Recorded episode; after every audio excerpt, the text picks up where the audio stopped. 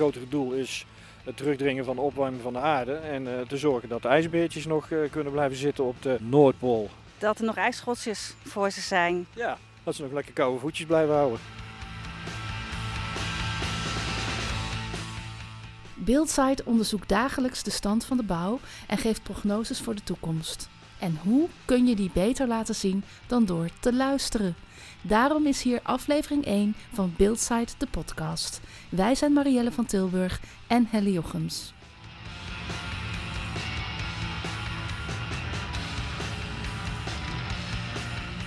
Onze eerste aflevering gaat over BANG. BANG staat voor Bijna Energie-neutrale Gebouwen. We praten hierover met twee experts.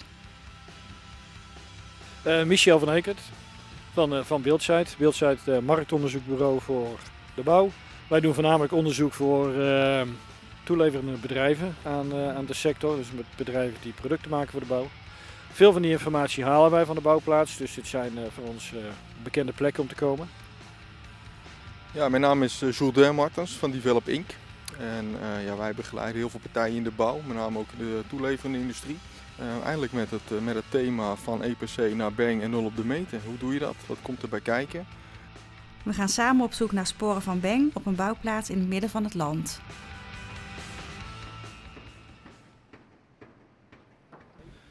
Nou, als je om je heen kijkt zie je in ieder geval dat dit een keurige bouwplaats is. Geen rommel, goede producten, iedereen draagt netjes een helm, veiligheidsvoorschriften. Dus, uh, dus dit is wat we noemen een mooi bouwputje. Hier vooraan zijn ze bezig met de ruwbouw. Zijn aan het opmetselen van de wanden, uitgevoerd in kalkzandsteen. En verderop zijn ze al aan het leggen van de pannen. We zien nu nog pannen. We hopen aan de andere kant iets zometeen van zonnepanelen te zien. Dus dat is een beetje in een notendop project. Ik denk dat het ongeveer een stuk of 40, eh, 50 woningen zijn alles bij elkaar.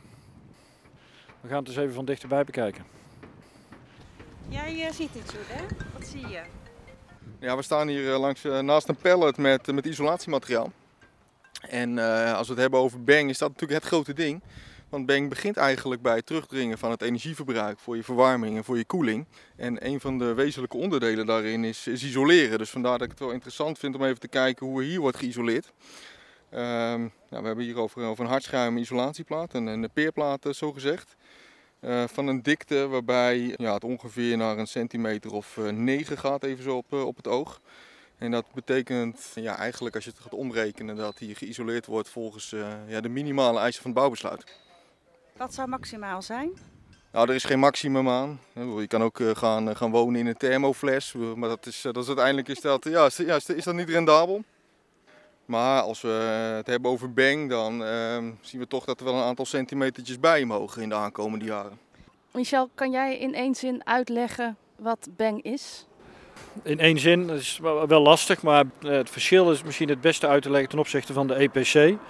Dat Beng veel meer gericht is op het, uh, het afnemen van de energiebehoefte. Als vakmensen in de bouw over duurzaamheid praten, valt al snel de term EPC. EPC staat voor energieprestatiecoëfficiënt. Dat is nu de maat voor energiezuinig bouwen. De minimumeis is EPC 0,4. Zodra de Beng-eisen ingaan, komt EPC te vervallen dat Beng veel meer gericht is op het, uh, het afnemen van de energiebehoeften. En pas later wordt nagedacht over de maatregelen. Dat is een andere, een andere optie uh, dan als je kijkt naar de EPC. Dus wel, je kijkt eerst van hoe kun je zo goed mogelijk de warmte of de behoefte binnen het huishouden. En pas later ga je dan kijken van wat je daarvoor nodig hebt. Dat is wel een grote verandering. Beng is een afkorting, waar staat het voor? Dat durf ik bijna niet te zeggen, maar Beng staat voor bijna energie-neutraal gebouwen bijna energie-neutraal. Dus waarom wordt er niet meteen gekozen voor helemaal energie-neutrale gebouwen? Ja, dat is wel een hele interessante vraag. Uh, waarom niet uh, gelijk? Ja, toch zie je dat het er uiteindelijk wel naartoe gaat. We moeten naar volledig klimaatneutraal, maar dat ligt nog een eindje verderop, pas in 2050. Maar de richting er naartoe die begint eigenlijk met het terugdringen van het energieverbruik. En vandaar bijna, dus je hoeft nog niet helemaal neutraal uh, te zijn. Uh, maar daar gaat het de aankomende jaren wel naartoe. En ik denk zelf dat we over tien jaar inderdaad over energie-neutrale gebouwen spreken. Zo rond 2030, maar 2020 dan hebben we het inderdaad nog uh, over een heel klein beetje energie wat we van buiten nodig hebben. Van ja, eigenlijk fossiele netten. Ehm, dus nog niet helemaal neutraal, maar ja, bijna. Waarom is Bang belangrijk? Nou ja, om, eh, het- zeg maar het klimaat. We zien de verandering van het klimaat. Het grotere doel is het terugdringen van de opwarming van de aarde. En eh, te zorgen dat de ijsbeertjes nog eh, kunnen blijven zitten op de Noordpool. Jordan, jij wilde nog iets toevoegen? Ja, het klopt inderdaad wat Michel zegt. Het grote doel eh, vanuit eh, Europa, of eigenlijk mondiaal, is het, eh, het, het tegengaan van de opwarming van de aarde. Dat in ieder geval zoveel mogelijk beperken. Ja, we hebben het natuurlijk niet alleen maar over de ijsbeertjes. Het gaat ook gewoon keihard om eh, het financieel-economisch belang. We krijgen vaak de vraag van waarom gaat het ineens zo hard? Hè? Waarom is het, eh, die gasaansluitplicht bijvoorbeeld vervroegd? Waarom is ook eh, de hele beng-eis eh, vervroegd? Eigenlijk zou het januari 2021 worden, het wordt nu januari 2020. En dat heeft er ook eh, eh, alles mee te maken dat we eh, in Nederland eigenlijk een veredeld OPEC-land zijn. We hebben een van de grootste aardgasvelden ter wereld. Een van de grootste oliemaatschappijen is in Nederlandse handen, de Royal Dutch Shell, of in ieder geval gedeeltelijk in Nederlandse handen. En ehm, wat we zien is eigenlijk met ja, de, de druk ook op, op de fossiele energie, wat niet meer vanzelfsprekend is, dat we nu ook ja, op een andere manier moeten kijken naar onze energiehuishouding. Om ook in de toekomst nog ja, economisch ook te kunnen floreren. Dus het is, het is niet alleen eh, het klimaat, het is ook gewoon eh, ja, de, de, de economie. Op naar de zonnepanelen.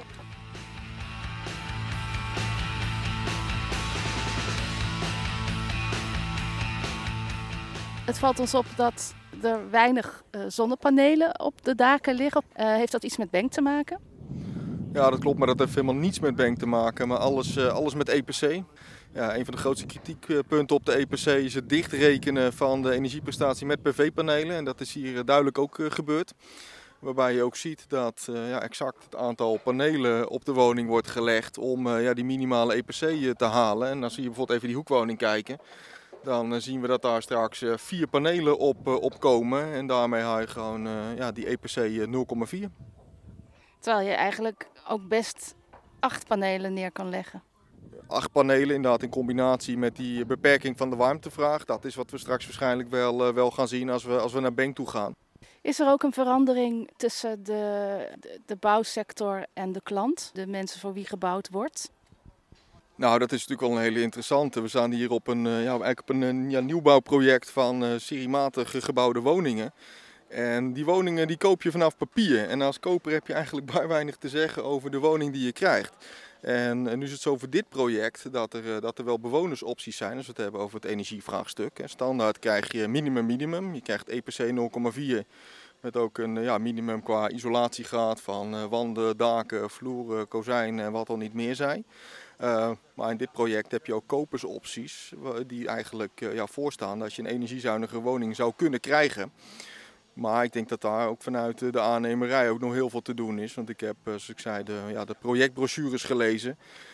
En ik heb nou niet de illusie dat eh, de koper snapt wat een bijna non-woning is.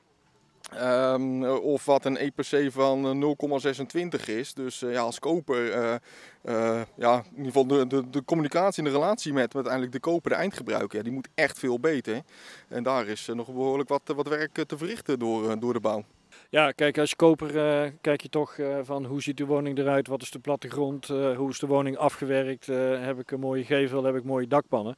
En in hoeverre kies je een woning op, op zijn energieprestatie, dat gebeurt nog veel te weinig. Dus in antwoord op de vraag wie moet dat doen, overheid eh, voor eh, bewustwording waar we natuurlijk met z'n allen gewoon heel hard eh, mee bezig zijn. En van de andere kant denk ik dat er nog een schone taak ligt voor, eh, voor de gemiddelde projectontwikkelaar om dat verhaal gewoon veel beter te vertellen. En niet zoiets raars in een brochure te zetten dat je als optie nog een EPC van 0,26 kunt kiezen. Dat slaat helemaal nergens op. Daar is iemand die een bewonersoptie heeft. die heeft hem Ja, dat is, dat is die eh, eh, EPC 0,26 die je daar ziet. Hier bij de, de hoekwoning krijg je er 4. Bij een tussenwoning krijg je 2. Tenzij je inderdaad de bewonersoptie eh, hebt. En dan krijg, je, dan krijg je 6 panelen. En daarmee hou je die eh, EPC van, eh, van 0,26. Dus er zitten een paar milieubewuste mensen tussen. Wat we hier op de bouwplaats zien, een beetje bang, een beetje nog niet bang. Wat is de trend? Doet deze bouwplaats het goed of juist niet zo goed? Nou, ik zou zeggen een gemiddelde bouwplaats. Het is eh, ehm, ja, een beetje minimaal doorgerekend wat je nodig hebt. Dat kom je natuurlijk vaker tegen. Hoewel we wel zien dat we steeds meer projecten in Nederland zien waar meer eh, zonnepanelen worden toegepast. Dus er wordt meer alternatief opgewekt. Maar als je zo naar deze bouwplaats kijkt, dan zou je zeggen van ja, je, eh, standaard, gemiddeld genomen.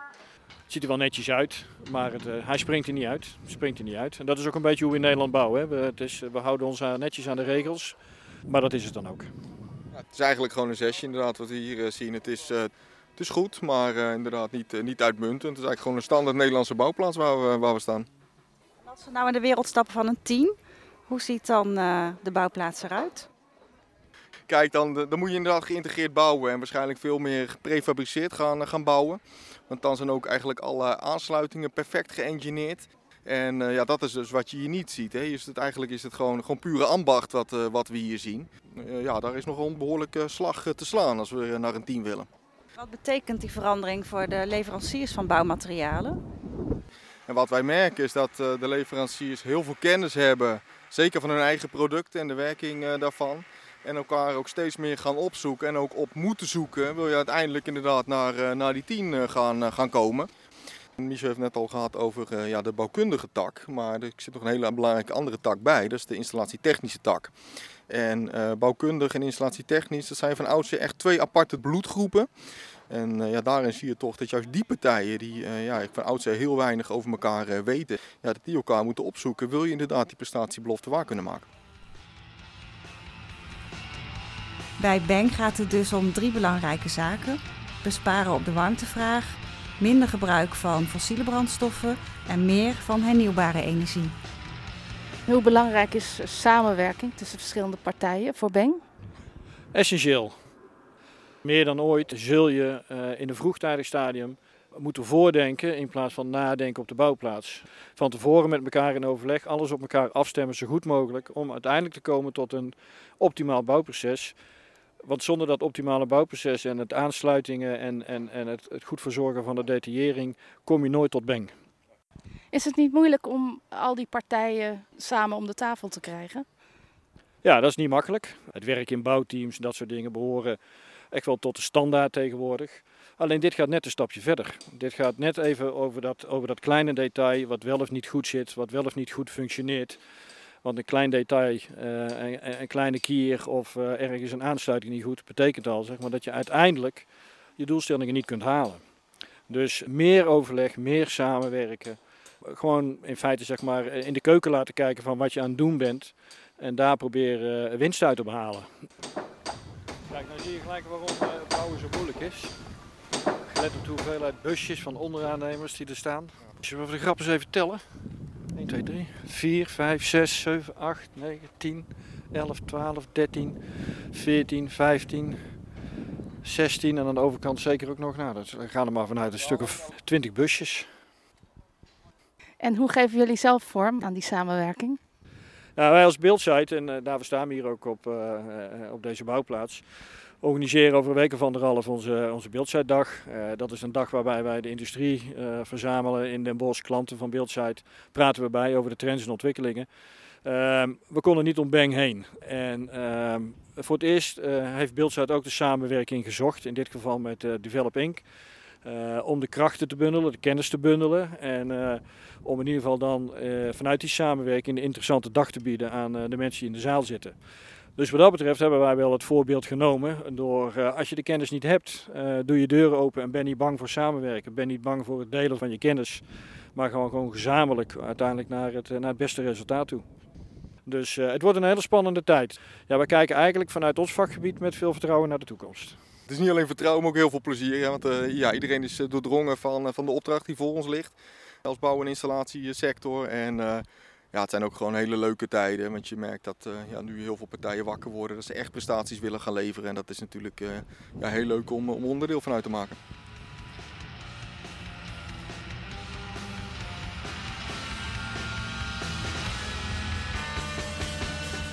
Dit was aflevering 1 van Beeldsite, de podcast.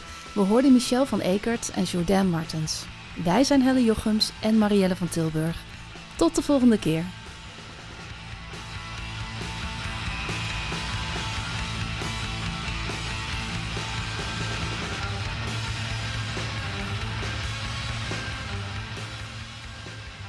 Willen jullie zelf ook Beng uh, wonen? Wonen jullie zelf Beng?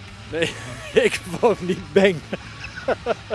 als, het, als toch, ja, ik woon bang.